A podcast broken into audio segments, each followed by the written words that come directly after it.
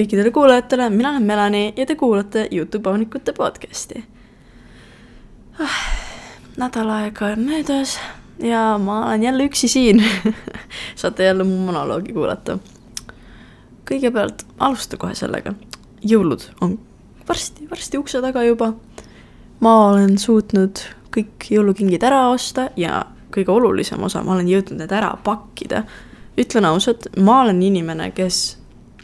on kohutav pakkija, nagu tõesti tõsiselt, tõsiselt kohutav. ma tavaliselt ikkagi piirdun sellega, et ma ostan kinkekoti ja topin kingitused sinna ja annan edasi ja tehtud. aga ma mõtlesin, et see aasta ma nii-öelda siis äh, issand, ma ei oska e-, eesti keelt enam rääkida, ma õpin eesti keelt ja ma ei oska eesti keelt rääkida, challenge in ennast, ühesõnaga tahtsin öelda, esitan endale väljakutse, vot nii ja proovin äh, pakkida kingitused pakkepaberisse, kinkepaberisse, kuidas iganes sa seda nimetada soovid, mis on sellised väga-väga kaunid jõulu, jõuluvärvides, jõulumustrites äh, kinkepaberid. ja noh, ütleme nii, et ma sain täitsa hästi hakkama, täitsa, täitsa talutav. Aga saaks paremini, ma proovisin mingisuguseid uusi tehnikaid ka, et üks kingitus on mul selline ikkagi noh, traditsiooniline lihtsalt karbipakid paberisse, et see ei ole midagi keerulist ja pani väikse lipsukese peale, et noh, see ei ole midagi rasket, on ju, seda oskab, ma arvan, igaüks natukese harjutamisega, on ju. aga ma proovisin erinevaid pakkimisviise, et oleks ikka nagu põnevam, et ma pakkisin näiteks ühe lõhna ära. ja selle asemel, noh, lõhnakarp on ju ka tavaline kandiline karp, seda saaks ka väga igavalt pakkida, aga selle asemel ma tegin ühe ägeda põneva sellise nagu lehviku sinna otsa või no ma ei oska seletada, see on, võib-olla ma siis panen pildi kuhugi Instagrami või story'sse või midagi, et te näete. aga lihtsalt see on äh, teistsugune, põnev, huvitav, et oleks nagu põnev vaadata, endal lahedam, huvitavam pakkida, ei ole igav selline väike kinkepakis kastike, on ju ja siis osad asjad, mis on äh, võib-olla mitte isegi sellise karbi sees või ei ole nagu kindla kujuga, et siis ma neile nagu pakkisin kuidagi sellise, et ta näeb välja nagu kompvekk või selline väike kommike mul, mul oli põnev ausalt öeldes, ütlen, et äh, oleks mul rohkem raha, ma ostaksin kingitusi juurde ainult selleks, et ma saaksin neid pakkida sest et äh, see oli päris lõbus tegelikult isegi. selline andis mulle natukene sellist loovat äh,, loovat mõtlemist ja aega, et natukene aju puhata kõigest stressirohkest. lasi aega üldse puhata, sest et ma ei ole viimasel ajal väga palju maganud, ma ei ole viimasel ajal väga palju puhanud. ma olen olnud magamata ma lähen päris tihti magama kuskil ühe-kahe ajal. ma ärkan kuskil kaheksa-üheksa ajal, ehk siis nagu noh, ei peaks olema tegelikult väga hull, aga ju ikkagi kuus-seitse tundi tegelikult jääb väheks, sest et teismelistel on unevajadus kaheksa kuni kümme tundi ja öeldakse, et äh, unevajadus on nagu samasugune kui söömine hingamine, vee joomine, et tegelikult und on meil väga palju vaja, et näiteks kui inimene on nelikümmend kaheksa tundi magamata, siis hakkavad äh, esinema hallutsinatsioonid, aju ei saa enam aru, mis on reaalsus, mis mitte ja sa hakkad nagu selliseid mikrounenägusid nägema või mikrounes olema, et sa ei saa ise arugi, et sa magad, aga sa magad. mis on väga creepy minu arvates, et no selline asi toimub ja et keha niimoodi funktsioneerib, aga noh, see on nii. ja ma lihtsalt mõtlesin, et kuida-, noh, et ma räägiksin lihtsalt veidi üleüldiselt. räägingi unest, mis see on, miks see vajalik on, natuke ma juba ju nüüd tegin sissejuhatust ja lihtsalt äh, räägingi, et noh, igaüks võib lugeda ta ja sa pead magama kaheksa tundi, aga tunneb võib-olla viietunnise unega, et mitte mingit probleemi ei ole, siis ma tahtsingi rääkida, et kuidas mina tunnen võib-olla, kuidas minul on, kui on nii palju magamata öid see kõlab nii valesti. lihtsalt kui on nii palju selliseid unevõlgu tekkinud võib-olla. et äh, näiteks minu jaoks oli ülihuvitav kohe, et ma ütlen selle unevõla osas ära, muidu ma unustan ära, et äh, noh, unel on erinevaid staadiumeid. on äh, esimene unestaadium, mis on selline viis protsenti kogu meie uneajast, siis on teine unestaadium, mis on siis nagu pool kogu meie uneajast, viiskümmend protsenti. kolmas, neljas on selline kakskümmend viis protsenti või kakskümmend ja siis on äh, REM-uni, mis on siis see une, äh, uni, kus me näeme unenägusid, kus meie aju puhkab kõige rohkem välja, see on ka kakskümmend viis protsenti kogu uneajast ja siis uni peakski kokku kestma kuskil kaheksa kuni kümme tundi. teismelistel, täiskasvanutel seitse kuni kaheksa, on ju. ja siis äh, ongi, kui sul tekib unevõlg ja sa oled väga vähe maganud ja sa tunned end väsinud, siis see on sellepärast, et sa olid ainult sellises äh, esimeses ja teises unestaadiumis ja kolmas, neljas ja siis REM, mis on need siis kõige sügavamad äh, unestaadiumid, need jäävad sul puudu ja sellepärast sa tunned end väsinult. ja kui sa hakkad siis nüüd oma unevõlga järgmine päev tagasi magama, et noh, oletamegi, et üks päev sa said neli tundi und ja järgmine päev sa lähed magama ja saad äkki, ma ei tea, kaksteist tundi und, siis sa võid endiselt tunda end väsinult, sellepärast et sa magasid jälle ainult seda pindmist und ja siis sa jõudsid võib-olla selle sügava une staadiumini, ehk siis need, mis on siis nagu kolmas ja neljas, need nagu käivad käsikäes koos mis on siis sügavuni, aga sa ei jõudnud REM-uneni, et REM-uni on see, mis äh, unevõla puhul magatakse kõige viimasel hetkel tagasi ja see võtab võib-olla mitu päeva. ehk siis ongi, et sa ühe öö said vähem magada ja see lükkab sinu kogu unetsükli paigast ära mitmeks päevaks, et see ei ole nii lihtne, et aa, ma üks päev magasin poole vähem, kui muidu järgmine päev magan siis kaks korda rohkem, et no see nii lihtne ei ole. ja miks REM-uni on vajalik, on äh, see, et äh, REM-uni on see, mis laseb reaalselt ajul puhata, see nagu meie mälu, meie mälufunktsioon saab areneda, saab noh, ühesõnaga, kui sul on REM-une puudus, siis su mälufunktsioon halveneb. Ja see lihtsalt halvendab ka su sooritusvõimet, õppimisvõimet, keskendumisvõimet. Ja siis äh, ongi öeldud, et REM-uni halvendab sooritusvõimet vähem kui sügavune Äh, puudus, ehk siis REM-uni, noh jah, ta halvendab sooritusvõimet, aga nagu sügavuni ja REM-uni, need on mõlemad need olulised faasid. et need esimesed kaks ongi selline jah, okei okay,, see teine on viiskümmend protsenti kogu une ajast, aga see ongi sellepärast, et see on lihtsalt selline pindmine uni, mis igaühel tekib, kui me magame. et väga vähesed inimesed magavad tegelikult nagu reaalselt sügavalt või siis täiesti remmunes, väga paljud inimesed ei näe unenägust, mina isiklikult olen see, kes ei näe unenägust või ma näen neid väga harva, mis tähendabki, et ma tõenäoliselt enamasti olen selles sügavusunes ja remmunes ei ole või siis ma unustan absoluutselt kõik unenäod, mida ma kunagi näinud olen ära. aga jaa äh,, lihtsalt uni on üks asi, mis on inimeste jaoks väga-väga oluline äh,, sest et see lihtsalt kuna meie aju puhkab sellel hetkel, siis see arendab ka nagu meie aju funktsioone ja laseb meil järgmistel päevadel, kui me oleme ärkvel, toimida paremini, funktsioneerida paremini. ja kui me oleme magamata, siis lihtsalt ongi raskem õppida, raskem keskenduda, raskem asju meelde jätta ja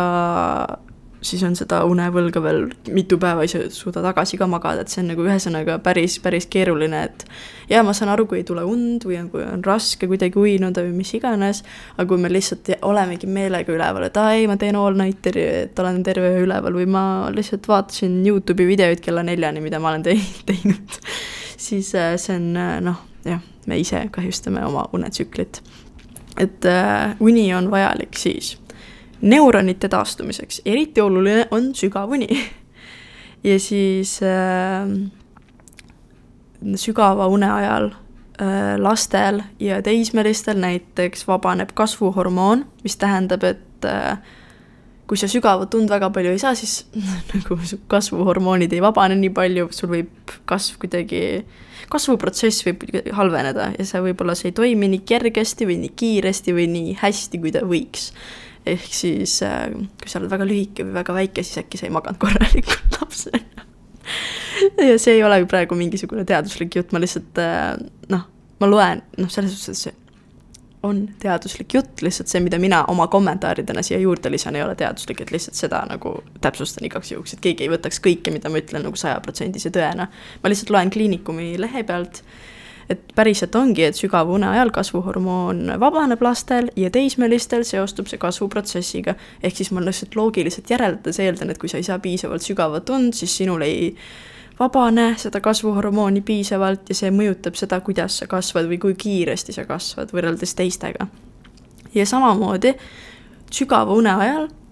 äh, taastuvad keharakud, mis tähendab, et äh, see loob reserve aktiivseks tegevuseks, mis tähendab, et kui sa oledki väga magamata, siis järgmisel päeval, kui sul on näiteks koolis kehaline kasvatus, sa ei jaksa seal väga palju joosta või trenni teha, sest et sa ei saanud piisavalt magada, mis ma arvan, et on päris loogiline. lisaks, uni tagab oluliste seoste säilitamise, mis äh, võivad kasut-, kaduda, kui neid pikema aja vältel ei kasutata ja siis äh, põhimõtteliselt REM-uni ongi kõige olulisem just selle mälu jaoks ja info säilitamise jaoks, sest et see on põhimõtteliselt kuidagi nagu selline, nagu kõvakette ümberkirjutamine nii-öelda. Ja siis äh, põhimõtteliselt ongi, et aju on pidevalt muutuv keskkond, pidevalt me saame igalt poolt uut informatsiooni ja selleks, et see info nagu püsiks ka meie teadvuses ja me saaksime sellest aru ja mäletaksime seda, on vajalik nii-öelda selline info ülesalvestamine ja see toimub meie REM-une ajal, kui me magame. Ja kui me ei maga, siis meil halveneb mälu ja me ei suuda asju enam nii hästi meelde jätta, me ei suuda nii hästi seoseid luua sellepärast on nagu väga oluline saada seda REM-und just hästi palju. et noh, kui me magamegi lihtsalt ma ei tea, selline väike lõunauinak, siis see ongi selline tõenäoliselt niisugune teine unestaadium, kui üldse mingisugune, et võib-olla see on üldse see kõige esimene, kõige pinnapealsem ja me ilmselgelt sellest ei saa remmund, et noh, see on ikkagi selline unestaadium, unefaas, mis tuleb öösel, sügavas unes, sügavast unest juba järgmine tase, on ju. ja siis eh, noh, nagu ma ennem ütlesingi, on ju, et sellise unedeprivatsiooni äh, puhul, kui sa järgmine päev magad rohkem, siis kõigepealt taastatakse sügavune ja alles siis REM-une puudus. ja siis äh, põhimõtteliselt unetu öö järgselt võib sellise aeglase sügava une osa tõusta kahekümnelt protsendilt viiekümneni ja siis seda pindmise une arvelt, ehk siis see esimene ja teine unestaadium, mis ma enne ütlesin, et teine unestaadium on tavaliselt viiskümmend protsenti meie unest, on ju. et noh, kui sa oled tükk aega olnud magamata, siis järgmine kord sul on tõenäoliselt lihtsam magama jääda, sa vajud palju kiiremini sügavasse unde, unne ja su see sügav uni kestab kauem. ja siis äh, ongi öeldud, et sügava unepuudus äh, tavaliselt korvatakse täielikult, ehk siis see tulebki ühe ööga sulle tagasi, sa said selle sügava une tagasi, sest et see protsent tõusis nii äh, hullult, on ju. aga REM-une puhul see korvatakse alles siis, kui sa oled sügava unepuuduse täielikult äh, nagu sellest täielikult lahti saanud, ehk siis ongi mitu päeva hiljem sa saad alles REM-une tagasi ja seda ka ainult niisugune viiekümne protsendi ulatuses ehk siis saate aru, et kui REM-uni jääb üks öö puudu, siis järgmistel, järgmistel päevadel sa ei saa seda esiteks enne tagasi, kui sügav uni on täis magatud, ja teiseks, sa ei saa seda ikka siis ka saja protsendi äh, ulatuses täis, vaid sa saad ainult umbes selline pool REM-unest, mis sa oleksid pidanud saama sellel esimesel ööl. nii et äh, see on huvitav ja nagu ma ütlesin ennem, et äh, REM-uni on see siis, kus me näeme unenägusid aga neid võib esineda teistes unestaadiumites, põhiliselt REM-unes. ja kas te teadsite, et näiteks äh, ma ei tea, maod ja üldse sellised sisalikud ja roomajad, nemad ei näe unenägusid. REM-uni on ainult imetajatel ja ainult lindudel ja ükski teine loomaliik ei näe kunagi unenägusid. kuigi imelik, ses suhtes. linnud näevad unenägusid ma tean, et nagu imetajad näevad, ma olen näinud väga palju, kuidas mu koerad hakkavad une ajal nutma, sest nad näevad midagi unes või värisema. ja siis ma lähen alati, äratan nad hästi õrnalt üles, et nad ei näeks halbu une, oih, issand, vabandust, et nad ei näeks halbu unenägusid. aga linnud, seda ma poleks arvanud, et ma ei tea, kellelgi on kodus papagoi ja siis ta jääb magama ja näeb mingi tund samal ajal, et ma ei tea. aga lihtsalt äh, see on huvitav, huvitav fakt minu arvates. aga jah põhimõtteliselt ongi, et REM-une ajal stimuleeritakse ajupiirkondi, mis on seotud õppimisega. ehk siis kõik see, mis ma ütlesin, seoste loomine, info talletamine, lihtsalt mälu üleüldiselt, on ju, et äh, see on väga, väga oluline. ja REM-une ajal, sarnaselt sügavale unele, suureneb ajus valgusüntees.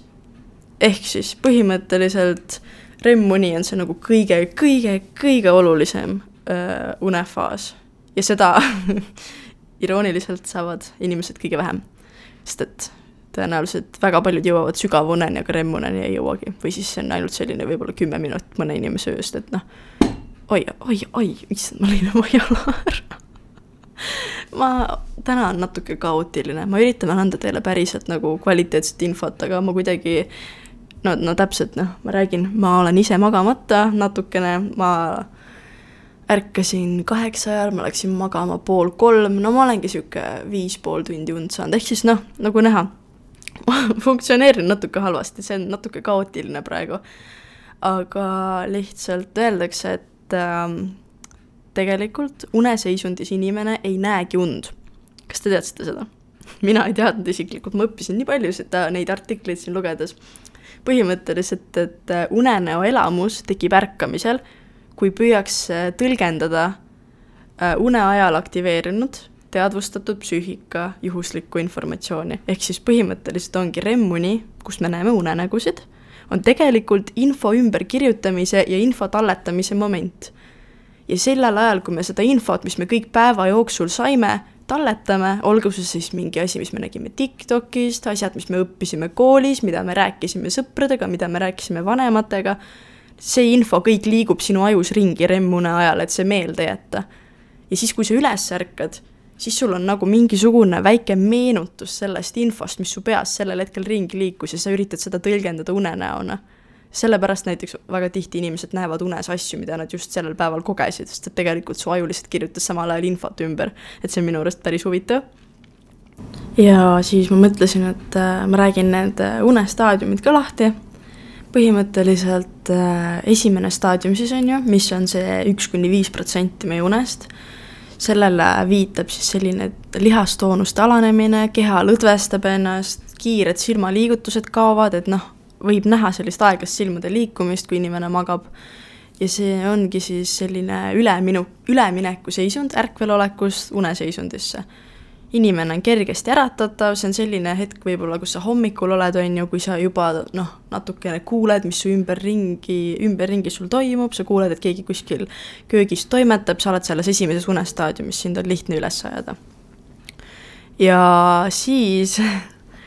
selles äh, staadiumis äh, kogevad paljud inimesed lihastõmblusi või kukkumise tunnet, äh, sarnaseid sellele, mis esinevad ehmumisel, et kas te olete kunagi tundnud, et te lamate voodis, te olete juba, tunnet-, see on see faas nii-öelda, kus me kõik ütleme, et aa, ma olen, ma olin poolunes. see on tegelikult une esimene staadium, kus sa tunned, et noh, sa veel tajud, mis su ümber toimub, aga sa oled väsinud, su silmad vajuvad kinni, sa oled poolunes ja siis sa hakkad juba nii ära vajuma, sa hakkad juba reaalselt nagu vajuma sinna sügavasse unne ja siis sa järsku ehmud, sest sul tekib niisugune tunne, et sa kukud ja see tegelikult on sinu lihaste tõmblemine, sest nad üritavad lõdvestuda. ja siis su lihased teevad niisuguse väikse tõmbluse ja sa ehmud ja sa nagu tunned, et sa kukukesid, see on päris naljakas, mul on päris, päris tihti seda siis äh, une teine staadium on siis äh, selline hetk, kus äh, lihastoonus on täielikult või mitte täielikult, mõõdukalt alanenud, silmade liigutused on täiesti kadunud, sa oled nüüd unes, on ju. Une kolmas staadium ah,, see teine muidu oli siis see, kus sa viiskümmend protsenti sinu kogu unest on see teine staadium, see ongi selline siis lihtsalt äh, pindmine uni, aga sa ikkagi oled nagu juba unes sees, sa ei pane enam tähele, mis su ümber toimub, sa oled juba magama jäänud siis on kolmas staadium, mis on siis äh, neljandaga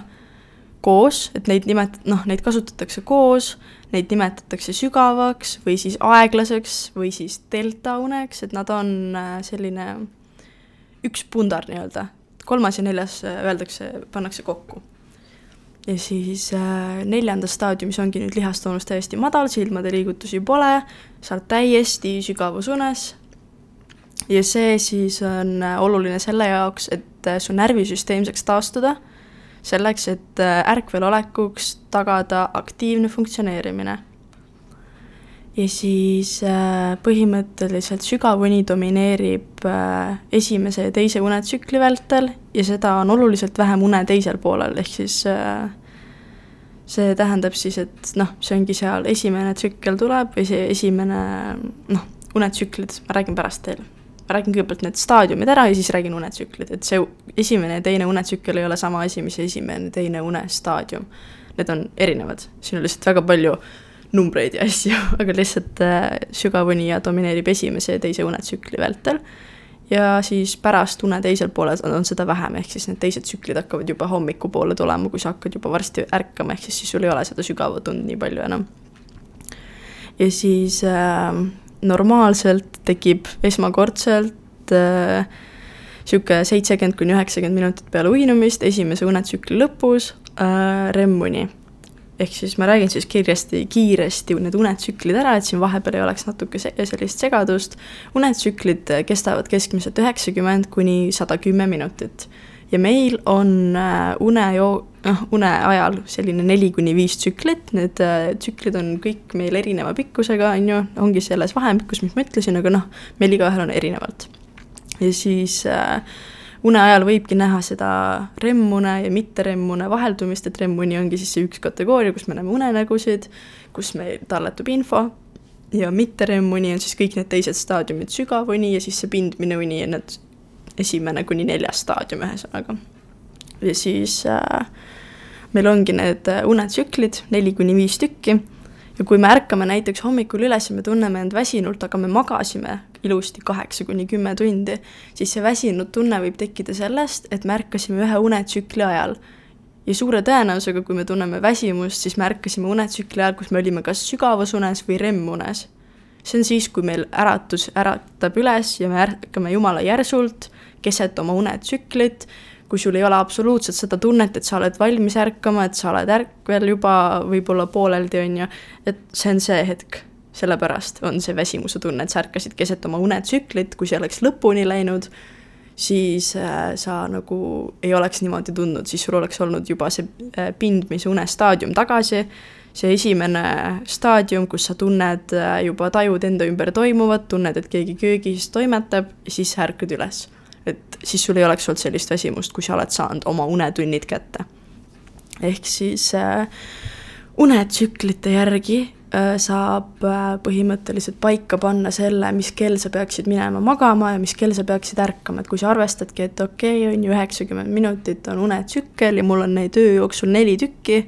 siis sa teedki neli korda üheksakümmend minutit, on ju, ja siis äh, saad kolmsada kuuskümmend minutit, sa vaatad, okei okay,, need vahelduvad seal, on ju ja siis äh, põhimõtteliselt sa tead, et see on nagu kuus tundi, on ju. ja mis ma ütlesin ennem, inimestel on vaja selline, täiskasvanutel oli seitse kuni kaheksa tundi und, noortel kaheksa kuni kümme, et noh, kui sul on vaja kaheksa kuni kümme tundi und, siis tõenäoliselt sul on kas pikemad unetsüklid kui üheksakümmend minutit või sul on neid rohkem, et näiteks sul on viis tükki üheksakümne minutilist, on ju, siis see teeb äh, seitse pool tundi ikka ei tule see kaheksa tundi täis, äkki sul on siis järelikult pikemad unetsüklid, ma loodan, et see on loogiline jutt teie jaoks. lihtsalt äh, jah, mina olen väga tajunud ära selle, mis hetkedel minul on kerge märgata ja mis hetkedel mul on raske märgata, ehk siis millal minu unetsüklid lõpevad. et näiteks minu jaoks on palju kergem üles ärgata kell kuus kui kell seitse kuigi loogiline oleks, et kell seitse on lihtsam ärgata, sest sa saad ühe tunni rohkem magada. aga minu jaoks siis hakkas juba uus tsükkel pihta, et noh, kui me vaatamegi, on ju, kui minu jaoks on tund aega varem lihtsam ärgata kell kuus, siis see tähendab seda, et just sellel hetkel kell kuus mul lõppes üks unetsükkel ära. aga kuna ma ei ärganud sellel hetkel, vaid magasin edasi, mul algas järgmine. aga kuuekümne minuti pärast ei ole see unetsükkel läbi kui see kestab mul üheksakümmend minutit, siis on veel pool tundi jäänud. ehk siis järgmine hetk, kus mul oleks kergem ärgata, oleks seitse kolmkümmend ja siis äh, selle järgi tulebki kuidagi proovida planeerida seda hetke, mis kell sa lähed magama ja mis kell sa ärkad. ja noh, seda oma võimete järgi, et kui sul ongi hommikul vaja ärgata vara, et sul ei ole võimalik seda hilisemaks lükata, sest sa jääd kooli või tööle hiljaks, siis sa lihtsalt tead, sa lähed varem magama näiteks. et saada see kuidagi paika, on ju. et lihtsalt äh, nende unetsüklite järgi tegelikult tuleb väga palju sellest, kas me tunneme end hommikul väsinult või mitte, et noh, see aga noh, kui ma peaksin seletama erinevust, on ju, kas kuidas sa saad aru, et kas sul oli lihtsalt mu koer otsustas hakata pesa hävitama. Nicole, mis teed? jah, ta, ta, ta otsustas täna siin taustal natukene müra teha. igatahes, kuidas teha siis vahet, kui sa ärkad üles, sa tunned end väsinult, kuidas sa tead, kas sa tunned end väsinud sellepärast, et sa ei saanud piisavalt magada või sellepärast, et sa ärkasid keset oma unetsüklit. no esiteks muidugi väga lihtne on aru saada, kas sa said piisavalt magada, kui sa ise tead, et sa läksid hilja magama ja sa oled neli tundi und saanud, siis ilmselgelt sa tead, et äh, sa magasid liiga vähe. aga kui sa noh, mõtled, okei okay,, ma magasin seitse tundi, kas see seitse tundi oli nüüd piisav ja ma lihtsalt ärkasin keset unetsüklit või see ei olnud piisav, siis seda saab väga hästi aru selle järgi et äh, unetsüklist on ennast võimalik üles äratada külma veega, külma dušiga.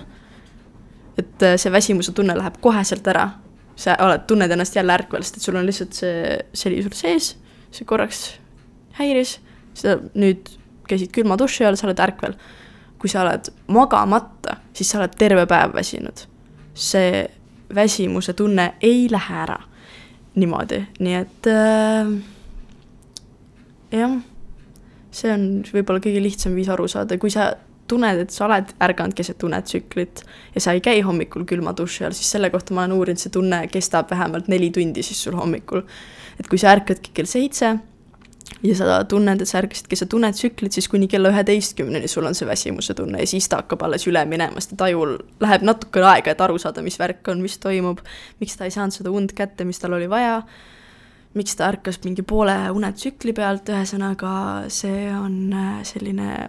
huvitav asi, see igal inimesel nii individuaalne, selle kohta sa pead ise nagu tähele panema, uurima, aga unekestust mõjutavad ka muud asjad. näiteks äh, pärilikkus mõjutab unekestust, et on sellist asja nagu hilinenud unesündroom ja varajase unesündroom nagu mul siin kirjas on, ma ei tea täpselt, mis need on, nii et ma ei hakka nende osas rohkem kommenteerima, aga lihtsalt, et unekestust mõjutab pärilikkus, siis äh, vanus, näiteks vananemisel lüheneb uneaeg ja vanusega väheneb sügava une ja REM-une kestus, et seda pole sügav, äh, vanas eas nii palju võib-olla vaja ja see lihtsalt muutub ja uni muutub äh, üleüldiselt pindmisemaks, sellepärast vanade inimestega võib-olla neil on nagu, et nad ärkavad kergemini ja kuulevad öö jooksul rohkem helisid ja kõike sellist siis äh, mõjutab veel unekestust sugu, näiteks öeldakse, et äh, insomniat leitakse sageli, sagedamini naistel. samamoodi ilmselgelt käitumine ja harjumused mõjutavad unekestust, et uneregulaarsus, et kas on alati, lähed samal ajal magama, ärkad alati samal ajal või sul on täiesti äh, noh, täiesti ebaregulaarne uni, on ju siis äh, välisfaktorid, et mõnel inimesel väga mõjutab valgus, müra, temperatuur, et öeldakse tegelikult, et magama tuleb minna siis, kui tuba on külm, et see on enamikel inimestel nii, et külmas toas sa saad paremini magada kui soojas. et sa nagunii lähed teki alla, hoiad end soojas, aga lihtsalt, kui sul on toas palav, et siis sa ei suuda magama jääda. ja samamoodi noh, ilmselgelt kui väljas on müra, et siis sul on raske magada, magada. ja samas, kui on liiga vaikne, siis on ka raske magada, näiteks vahest pannakse selline valge müra taustale, white noise, saab lihtsalt kirjutada Youtube'i panna või võtta Spotify'st, võtta playlist'i. seda lastakse näiteks hästi tihti beebidele, et nad magama jääksid, mingisugune valge müra, et see on ka selline, et ma ei tea, teises toas äh, sa kuuled tolmuimeja käib, on ju et noh, mõned, mõnda inimest häirib, mõnele inimesele see just toimib nagu, et aa, okei okay,, nüüd ma saan magama jääda, et ei ole täielik vaikus.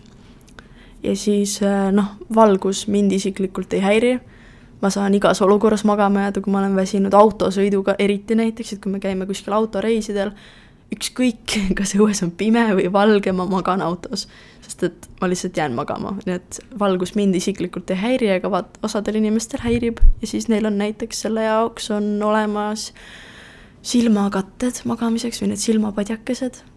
et äh, sa saad silmad kinni katta nendega ja siis sul ongi pime kogu aeg, ükskõik kus sa magad, mis äh, kell, mis valguses. siis, mis veel mõjutab,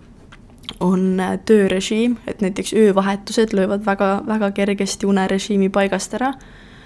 sest et inimene peab öösel toimetama ja siis päeval magama, aga samas kui teised inimesed kõik päeval to nagu toimetavad ja tahavad sinuga aega veeta, siis ühesõnaga see lööb unerežiimi väga paigast ära ja on väga raske leida seda tasakaalu võib-olla. siis ilmselgelt, mis häirivad und, on unehäired nagu insomnia, rahutute jalgade sündroom, muu selline äh, ja psüühikahäired, et noh, ärevus isiksushäire, ajukahjustused, dementsus, depressioon, kõik sellised psüühikahäired häirivad ka und ja siis äh, igasugused ravimid äh, nende vastu samamoodi. ja noh, ilmselgelt ka kehalised haigused, et lihtsalt kui on mingisugune äh, valu, õhupuudus,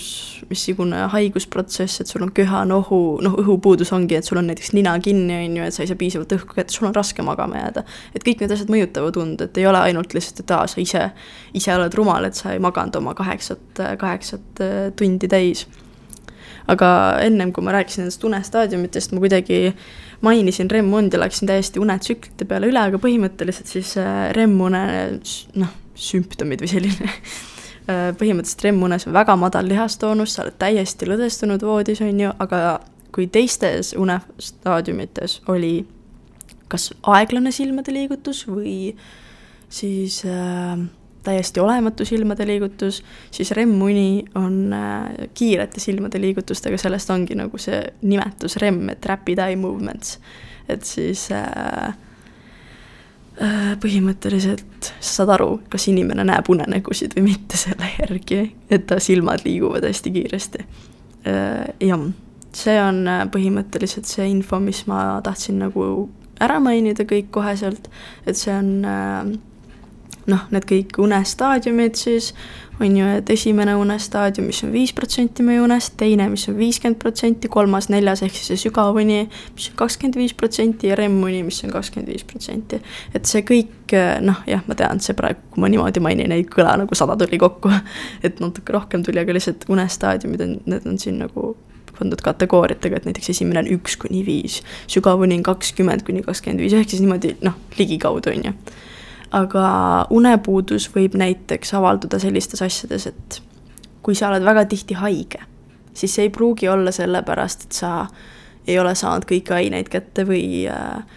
söönud piisavalt vitamiine või magneesiumi või rauda või mis iganes, see võib olla sellepärast, et sa oled magamata, sest et unepuudus nõrgestab immuunsüsteemi, siis äh, see alandab stressitaluvust, kui sa oled vähe maganud, siis sa ärritud palju kergemini, sa äh, ei suuda stressi vastu võtta nii hästi kui muidu, sa ei suuda jääda nii rahulikuks stressirohketes olukordades ja see mõjutab omakorda keha jälle igat moodi, on ju. siis äh, igasugused funktsioonihäired, nagu unisusega tuleb selline keskendumisvõime halvenemine Äh, reaktsiooniaeg pikeneb, et kui ma ei tea, keegi ütleb, mõtle kiirelt ja viskab sulle palli, siis kui sa oled väsinud, sul on palju väiksem tõenäosus, et sa püüad selle palli kinni, kui siis, kui sa oled väga ilusti maganud korralikult uh,. siis ongi jällegi, nagu ma ütlesin, et mälu ja kognitiivsete funktsioonide halvemine, halvenemine, et sa tõesti, sul on raske asju meelde jätta ja see ei ole alati nagu õppimisega seotud, võib-olla keegi rääkis sulle mingisuguse isikliku asja enda kohta ja noh isegi see ei, see kõlab nii kuidagi dramaatiliselt või halvaendaliselt, vaid lihtsalt keegi rääkis sulle midagi enda kohta ja sa olid sellel hetkel, mäletad, et sa mõtlesid, oh, ma jätan selle meelde, et sellega mul, seoses mul oleks nii äge mingi kingitus teha talle jõuludeks, on ju. ja siis hakkad tagantjärgi mõtlema ja sa ei suuda seda asja enam meelde tuletada. aga see oleks olnud täiuslik viis, kuidas teha kingitus nii, et ta ei tea, mida sa teed aga see on endiselt midagi, mis on tema jaoks tähtis, aga nüüd sa ei mäleta, sa peaksid eraldi temalt küsima ja siis see nüüd annab vihjeid, mis iganes, ühesõnaga mälu, on ju. see noh, mälu halveneb, kui sa ei saa piisavalt magada. siis äh, halveneb ka võime sooritada täpseid ja koordineeritud liigutusi, et koordinatsioon halveneb äh,, õppimisvõime väheneb, keskendumisvõime, üldse vaimne töövõime väheneb ja siis äh, sellise kestva unepuuduse korral tekivadki kuulmis- ja nägemishalluts-, hallus-, ma ei oska rääkida, tekivad kuulmis- ja nägemishallutsinatsioonid, nagu ma enne ütlesin, et kui sa oled juba nelikümmend kaheksa tundi magamata, siis sa hakkad nägema hallutsinatsioone. Ja miks see niimoodi on, sest et see on põhimõtteliselt nagu REM-uni, aga ärkvel olekus. see on see, mis ma ütlesin, et tekivad nagu sellised mikrouned, et sa ei tea, et sa magad, aga sa magad ehk siis sa näed ärkvelolekus remmund põhimõtteliselt. Äh, ja siis äh, jah, täpselt ongi noh, mikrouni päevasel ajal lühikesed uneepisoodid, mida alati subjektiivselt ei tajuta. ehk siis sa isegi ei tea, et sa näed und või et sa magad, aga sa näed seda. tegelikult olles ärkvel, liikudes ringi, toimetades, et see on äh, päris huvitav või mis ja ma ei tea, mis täna toimub, ma nagu kuidagi suudan alati mikrofonile pihta minna, ma loodan, et see väga valus teie kõrvadele ei ole. eriti nendele, kes kuulavad kõrvaklappidega. aga mida siis teha, kui nii on katkendlik, kui on raske magama jääda või siis kuni läheb liiga vara ära, et ma ei tea, sa läksid magama normaalsel ajal, aga ärkad nüüd kell neli või viis ja mõtled, no mida ma nüüd teen, mul ei ole und rohkem, on ju. et äh, peaasi.ee andis sellised soovitused, et äh, pea näiteks äh, unepäevikut, et see aitab sul näha, mida sa peaksid muutma, et hästi magada ja olla igapäevaselt energiline, rõõmus ja tark. et põhimõtteliselt lihtsalt pane kirja, mis kell sa lähed magama ja mis kell sa ärkad. ja kui sa näiteks, eriti siis, kui sa ei tee seda iga päev samal ajal, mina ei lähe, lähe iga päev samal ajal magama ja ma ei ärka iga päev samal ajal, kuna mul hakkab iga päev kool erineval ajal, on ju et noh, kui sul tõesti hakkab kool iga päev kell kaheksa, siis tõenäoliselt sa ärkad iga päev kell seitse või mis iganes, oleneb, kaugel sa elad, on ju. et sul on iga päev see sama rutiin, mis kell sa ärkad, aga minul hakkab üks päev kool kell kümme, teine päev kell kaks, kolmandal päeval seda isegi ei ole, et siis ma ärkan üldse või siis, kui ma ise tahan, on ju. et mul ei ole seda rutiini, mis tähendab, et kui ma paneksin unepäevikusse kirja, mis kell ma läksin magama ja mis kell ma ärkasin ja siis paneks näiteks hommikul juurde selle emo-, emotsiooni, et aa, täna olin väsinud ja siis järgmine päev panen, et täna ärkasin väga nagu ärk-, tunnen ennast ärkvel, mis iganes, et siis see annab pärast, kui nädal on läbi, sulle hea ülevaate sellest, mis päevadel sa tundsid end väsinult ja miks, et sa näedki, okei okay,, siin ma sain nii palju und, okei okay,, siin ma sain tegelikult rohkem und kui mingil teisel päeval, aga ma tundsin end väsinumalt, järelikult siin on midagi unetsüklitega tegemist, on ju. et noh, sul on võib-olla nagu kergem analüüsida, miks sa tunned ennast väsinult, kui sa hommikul ärkad siis äh, teine nõuanne on see, et liigu vähemalt kolm korda nädalas, kolmkümmend minutit ja võimalusel õues. Ja noh, hea oleks liikuda iga päev muidugi ja rohkem kui pool tundi, aga alati ei ole seda võimalust, et siis vähemalt kolmkümmend minutit kolm korda nädalas ja nagu päikese käes, kui võimalik. Sest et päike on meie jaoks väga oluline, D-vitamiini ei saa väga paljudest kohtadest, aga päikeselt saab, seda on vaja, minul on D-vitamiini defitsiit, ma võtan praegu D-vitamiini kapsleid, kolm kuud pean võtma neid, sest et mul on väga madal D-vitamiini seis hetkel nii, siis järgmine nipp. raske on uinuda näljasena või kui kõht on liiga täis. ehk siis tuleks sättida oma söömine niimoodi, et magama minnes oleks kõht piisavalt täis et kuskil selline öeldakse, et kolm tundi enne magamaminekut peaks sööma või kaks tundi enne magamaminekut. et sul on raske jääda magama, kui kõht täiesti koriseb, ta juba valutab, et sul on see nii, nii tühi, või vastupidi, kui see on liiga täis, jah, okei okay,, ma tean, me kõik vist oleme kogenud seda, et kui sa sööd kõhu täis, siis kohe tekib selline uni, unisuse tunne aga mõtle nüüd nii, kui sa oled ennast söönud ikka nii, noh, nii kõhu täis, et sa tunned, okei okay,, ma vist pingutasin natuke üle, siis tegelikult ei ole väga, väga meeldiv olla, sa tahad natuke aega istuda, sa ei taha veidi liikuda kuskile, on ju. sul on natukene ebamugav. sellises seisus sa tõenäoliselt ei saa väga hästi magada, on ju. et noh, siis tuleb planeerida seda söömist ka niimoodi, et sa tead, et sa nagu väga otse enne magamaminekut ei hakka sööma. Siis järgmine, issand, ma lõin jälle käe ära teen täna nii palju lärmi teile sinna. ühesõnaga, järgmine plaan äh,, ma hakkasin juba lugema seda ja samal ajal rääkima, ma ei tohi nii teha, ühesõnaga järgmine nõuanne on see, et hästi planeeritud päevased uinakud võivad aidata sul olla energiline ja efektiivne. on oluline, et need une ärkveloleku rütmi ei segaks ja nad ei tohiks olla liiga pikad ega liiga hilja õhtul. Kui öösiti uni ei ole hea, siis ei tasu päevaseid uinakuid teha. Ehk siis, kui sa ei saa öösel magada ennast välja, siis tihti sa teed võib-olla noh, eriti kui on vabad päevad, sa tunned, et sul jäi öösel unest puudu, sa magad päeval, teed mingi võib-olla pooletunnise või tunnise uinaku, aga tegelikult sellega sa, su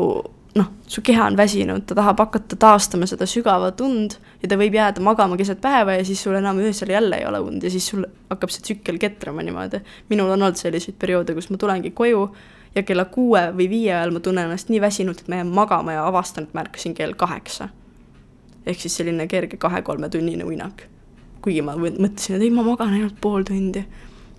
ja siis jälle, mis juhtub, mul ei tulegi öösel und, on ju. Siis on äh, nipp, et äh, tee oma magamistuba und soodustavaks. ehk siis see tuba võiks olla jahe, vaikne, pime ja rahulik. Äh, elektroonika võiks panna enne magamaminekut ära, vähemalt pool tundi enne seda, on ju, et äh, siis, kui uni ei tule ja siis sa kasutad neid, siis see muudab nagu magamajäämise veel ebatõenäolisemaks, et mina olen küll seda teinud, et ma mõtlen, no pagan, mul ei tule und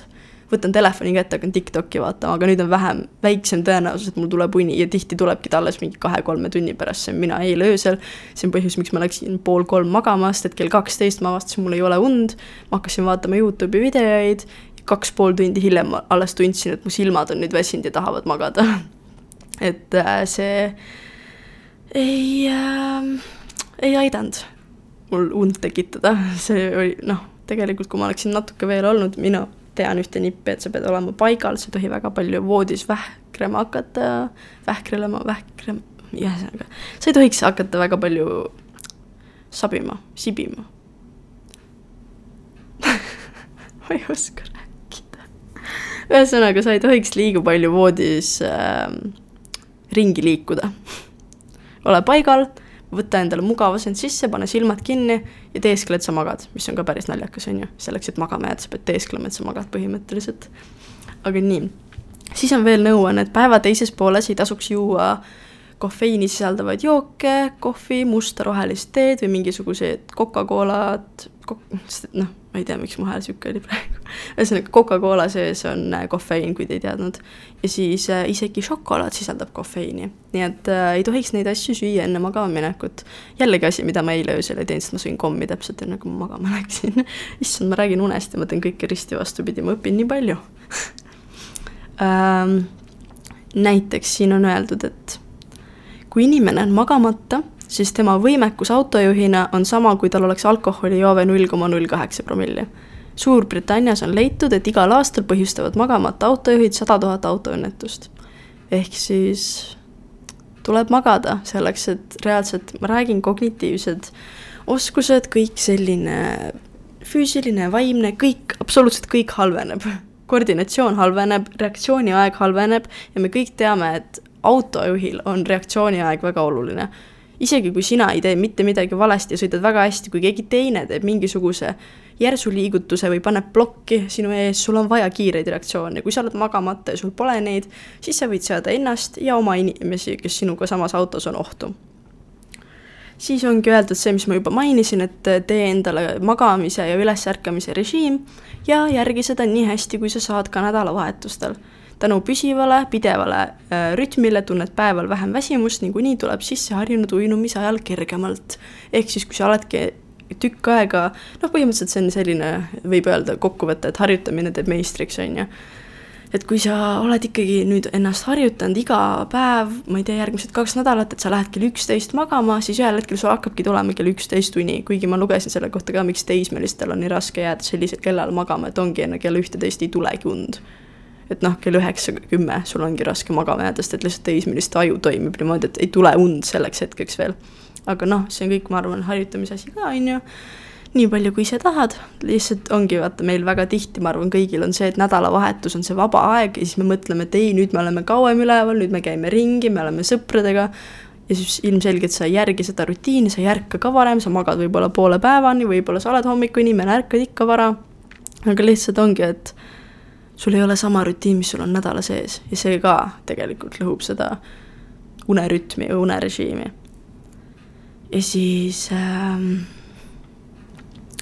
siin on öeldud, et paar tundi enne magamamineku aega ära joo ega söö palju, ära võimle, mis on minu arust huvitav, sest et mulle on alati öeldud, et võimlemine on see, mis keha väsitab, et tegelikult see just nagu aitab magama jääda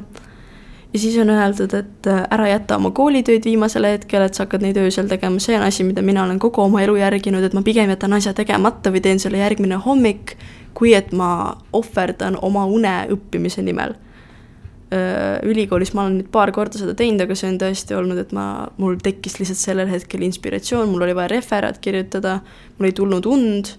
ja kuskil kell üksteist, kaksteist mul tuli lihtsalt selline nagu inspiratsioon, millest reaalselt nüüd kirjutada ja ma olin juba mitu nädalat mõelnud ja ma ei tahtnud seda hetke käest lasta, siis ma kirjutasin nagu esimese peatüki oma referaadist ära. et noh, see oli nagu selline väike produktiivsuse laine, aga noh, ega ma rohkem niimoodi ei ole tahtnud ohverdada und õppimise nimel, et ma arvan, et uni on natuke olulisem, eriti nagu kui me oleme siin praegu nii palju sellest rääkinud, miks ta on oluline, on ju, et noh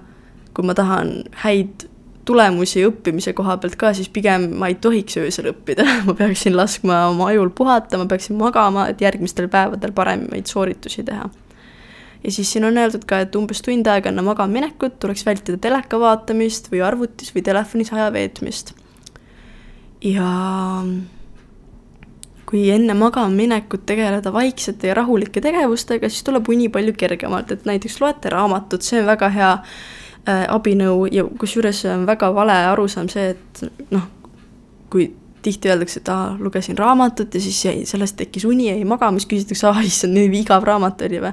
et noh, tegelikult kui te mõtlete, on ju, et raamatu lugemine on silmade töö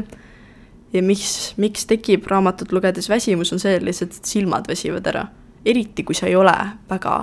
tihe lugeja või sa ei võta väga tihti raamatut kätte, et lugeda, siis su silmad väsivad väga ruttu ära hea näide, mis mulle tuleb pähe, kuidas veel seda nagu võrrelda, on see, kui sa näiteks pole kunagi uisutanud või väga harva käid uisutamas ja siis talvel lähed ja siis juba tunni, tunni ajaga on jalad nagu pahkluud on nii valusad uisutamisest, et sa tahad ära. tunni ajaga, vahest isegi kiiremini, võib-olla poole tunniga sa juba tunned, issand, jalad on nii valusad, sest et sa pole tükk aega uisutanud. lugemisega on sama, su silmad vaatavad, issand, ma pean nii palju tööd tegema, nad ei ole sellega harjunud ja nad väsivad ära ja sul tekib väsimus. siis äh, nõuanne, et kui sa teed igal õhtul enne magama minekut samu asju, siis su keha harjub nende uneeelsete signaalidega ära ja uni tuleb kergemalt. näiteks käi vannis või duši all või loe raamatut, täpselt nagu ma just ütlesin, on ju ja siis äh, pea päevikut või hoia voodi juures käeulatuses paberit ja pastakat. kui uinumisel tuleb tegemata töid, täitmata kohustusi või muud ebameeldivat meelde, siis kirjuta need asjad üles, nii on kergem neid peast välja saada. et ma arvan, et me kõik või väga suur osa meist on nagu ikkagi, et sa tahtsid päeval näiteks kellelegi midagi öelda, sul läks see meelest ära ja siis õhtul, kui sa üritad magama jääda, sul tulevad kõik need asjad meelde. ma tahtsin ju seda talle öelda ja siis sa ei saa enam rahu sa mõtled, no pekki, miks mul see enne meelde ei tulnud ja nii edasi ja nii edasi, ühesõnaga siis sa tõenäoliselt aitaks ta võib-olla tõesti, et sa paned selle paberi peale kirja ja vaatad hommikul uuesti. ma olen muidugi nooremana seda rakendanud ja ma tegin seda, ma panin kirja, aga kuna ma olin tõenäoliselt juba sellel hetkel päris väsinud, kui ma selle kirja panin, siis hommikul ma ei saanud mitte midagi aru, mis ma sinna kirja panin. ja mitte nagu isegi käekirja mõttes, sellest ma sain kõik aru, ma lugesin välja, mis seal kirjas oli, aga ma ei saanud aru, sest et ma olin eel, eelmisel õhtul kirjutanud selle üles märksõnadena, sest ma, ma mõtlesin, et ma hommikul raudselt saan aru. aga ma ei saanud aru, seal olid lihtsalt kõik kõige suvakamad märksõnad ja ma ei saanud absoluutselt aru, kuidas nad omavahel seotud olid, nii et noh, sellest ei olnud väga kasu nii et äh, kui midagi sellist teha, siis tõenäoliselt tuleks ikkagi panna täislausetega kirja see asi aga kui ma lihtsalt nüüd äh, noh, ma olen kõik selle üldise jutu ära rääkinud, on ju, mis see uni on, unestaadiumid, unetsüklid, miks see on vajalik, mis juhtub, kui ei saa piisavalt und, kui palju läheb aega, seda kõike tagasi magada, on ju. aga see on kõik nagu teoreetiline, kas see päriselt on nii? ma ütleks, et on. mind on mõjutanud väga palju, kui ma ei saa magada. et mul tõesti mäluga on viimasel ajal väga palju probleeme stressitaluvus on enam-vähem, ma olen saanud hakkama paremini,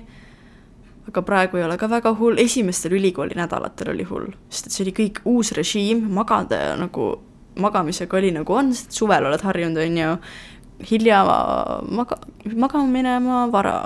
mitte vara ärkama, hilja ärkama, hilja magama minema, kõik seda, on ju, ja siis tuleb september kätte, sa pead harjuma niigi ümber uuesti oma unerežiimiga, on ju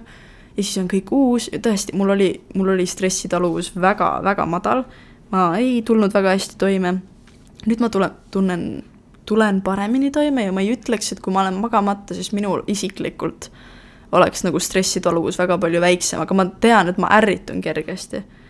ma nagu, ma talun stressi, ma saan selle, sellega tulen toime, issand, kuidas ma puterdan viimasel ajal sellega ma tulen täiesti toime, aga ma ei äh, suuda jääda võib-olla alati rahulikuks, ma ärritun väga kergesti, vahest võib-olla lihtsalt ma istun bussis ja keegi hingab liiga valjult ja mul tekib selline tunne, et issand jumal, kas sa palun oleks vait, miks sa pead nii valjult hingama, et see on lihtsalt minu enda see, et ma ärritun kergesti, kuna ma olen magamata. ja üleüldiselt energiatasemed ongi, ma tun-, reaalselt ma tunnen ennast väsinult hommikuti, välja arvatud, kui ma ärkan vara, siis ma olen üritanud ikkagi ärgata pigem varem, on ju teha oma toimetusi, mingitel hommikutel jälle ma tunnen, et ma ei suuda absoluutselt kella kuue ajal ärgata, mingid hommikud ma ärkan ja kõik on täiesti, täiesti super, et noh, see oleneb tõenäoliselt siis sellest, mis kell ma magama läksin, on ju. ja, ja siis äh, minu jaoks näiteks unepuudus mõjutab mu söögiisu, et äh, ma ei taha nii palju süüa, kui ma olen magamata kui ma sööksin muidu ja ma ei söö muidu väga palju, ma söön üpris vähe, et kui ma näiteks söön muidu päevas kolm korda, siis kui ma olen unepuuduse käes, siis ma võin süüa kaks korda või nii-öelda, ma ei taha öelda poolteist, aga ütleme siis nii, et üks korralik ports ja üks mingi väike hommikusöögivõiku või mingi, midagi sellist, et see on nagu sihuke poolteist toidukorda. et noh, mul läheb, läheb söögiisu ära, kui ma olen magamata ja õppimise osas täiesti, täiesti nõus, kui ma olen väsinud, mu aju ei võta absoluutselt, ma ei suuda lugeda pikki artikleid, ma ei suuda vastata mingitele küsimustele, mul ei ole isegi motivatsiooni, et seda teha, ma tahaks lihtsalt selle asja ära visata kuhugi kõrvale, ma ärritun siis selle peale, et ma ei saa sellega hakkama, et äh, ma tõesti, ma näen küll enda pealt, et äh, selliseid reaktsioone tekib, kui on unepuudus, mida võib-olla muidu ei tekiks või mis on sellised veidikene ebavajalikud võib-olla. ja üleüldiselt, kuidas ma end tunnen, kui mul on unepuudus, tunnen, et ma ei jaksa mitte midagi teha, ajajaotus on kuidagi nii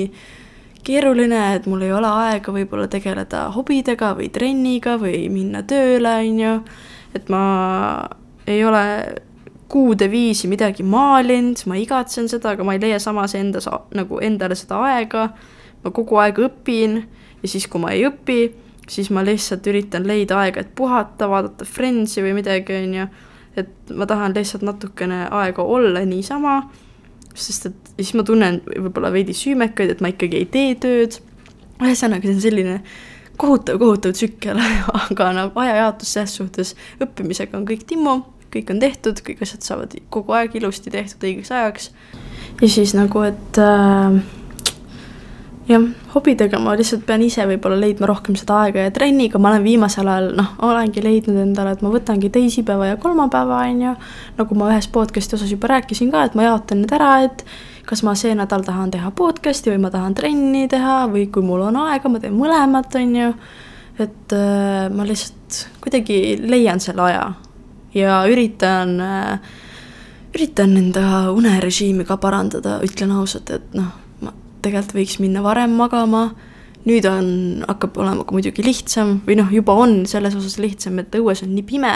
et kui on õues pime, on ju, siis jah, okei okay,, ma ütlesin küll, et mind valgus ei häiri, aga tegelikult kui ma nüüd seda mõtlen, siis tõepoolest, mul on lihtsam magama jääda, kui õues on pime. see on, see on tegelikult väga aus. lihtsalt kuidagi ma mõtlen, kui ma käingi reisidel ja asjades, mind kunagi ei ole valgus häirinud, ma võin ükskõik millal magada, aga see võib lihtsalt olla sellest, et see on autosõit ja autosõit on mind väiksest peale alati ära väsitanud. aga jaa, kodus küll ma tegelikult tunnen, et mul tekib varem juba väsimus aga noh, see võib-olla vahest ka tekib nagu sellise noh, nagu selline tagurpidi reaktsioon, et mitte nagu heas mõttes väsinud, vaid juba tõesti kella kuue ajal väsinud, sest et siis on õues juba kott pime. juba nelja-viie ajal tegelikult isegi, viie ajal on juba kott pime. Ja siis on juba nagu ajul selline tunne, et aa, õues on pime, järelikult on aeg magama minna, tekib juba väsimus. Ja siis on kuidagi eriti vastik olla sest et sa tead, et sa pead tegelikult tulema koju õppima, aga sa ei jaksa absoluutselt, sest et õues on pime ja sa oled väsinud. aga lihtsalt üleüldiselt ma ütleks, et äh, Peaasi ja Kliinikum äh,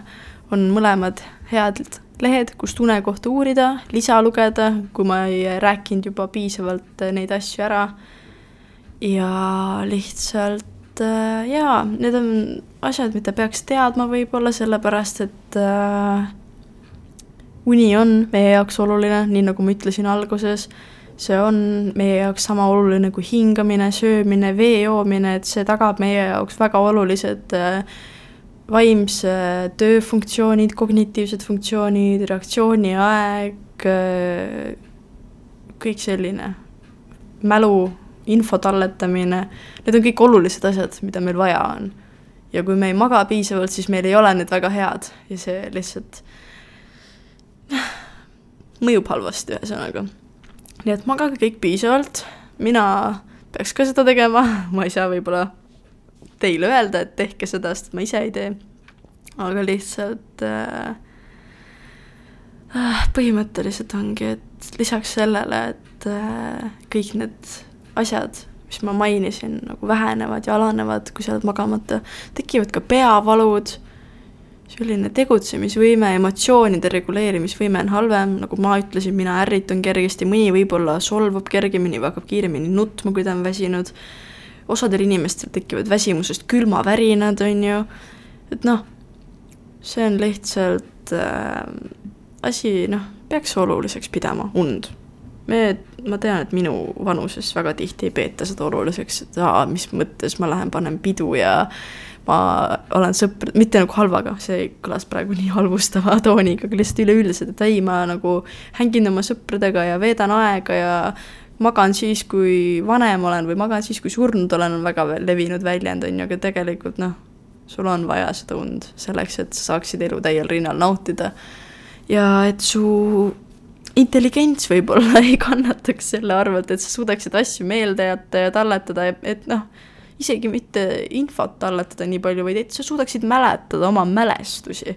et ongi, sa saad sõpradega aega veeta, aga kas see on seda väärt, kui sa seda pärast ei mäleta, on ju. sest et sul on magamatusest mäluprobleemid, issand jumal. ühesõnaga, magage kõik nii palju, kui teil vaja on. ma loodan, et sellest kaootilisest jutust te saite midagi aru et ma ei rääkinud liiga segast juttu ja ma arvan, et tänaseks ongi kõik, oleme niisuguse kena tunnikese rääkinud, oleme. Muidugi noh, te ei ole väga vist rääkinud, kui te just ei kommenteeri kaasa mu podcast'ile ise kuulates, aga lihtsalt olen juba tunnikese rääkinud. proovin leida järgmiseks nädalaks ka mingi ägeda teema, millest rääkida, mulle väga meeldis see tänane ähm,, tänane osa. sest et äh, see oli minu jaoks põnev teema, mind huvitab see ise, kuna ma ise ei maga alati piisavalt, siis ma tahtsingi lugeda selle kohta, et kuidas see tegelikult siis mõjub inimesele, kas ma relate in sellega, kas ma olen näinud neid mõjusid juba endal ja nii edasi ja nii edasi, nii et äh, ma loodan, et teie jaoks oli ka see põnev kuulamine, et te saite kõigest aru, et äh, noh, jah, jah, et saite kõigest aru lihtsalt. Ja näeme siis järgmine nädal, tšau!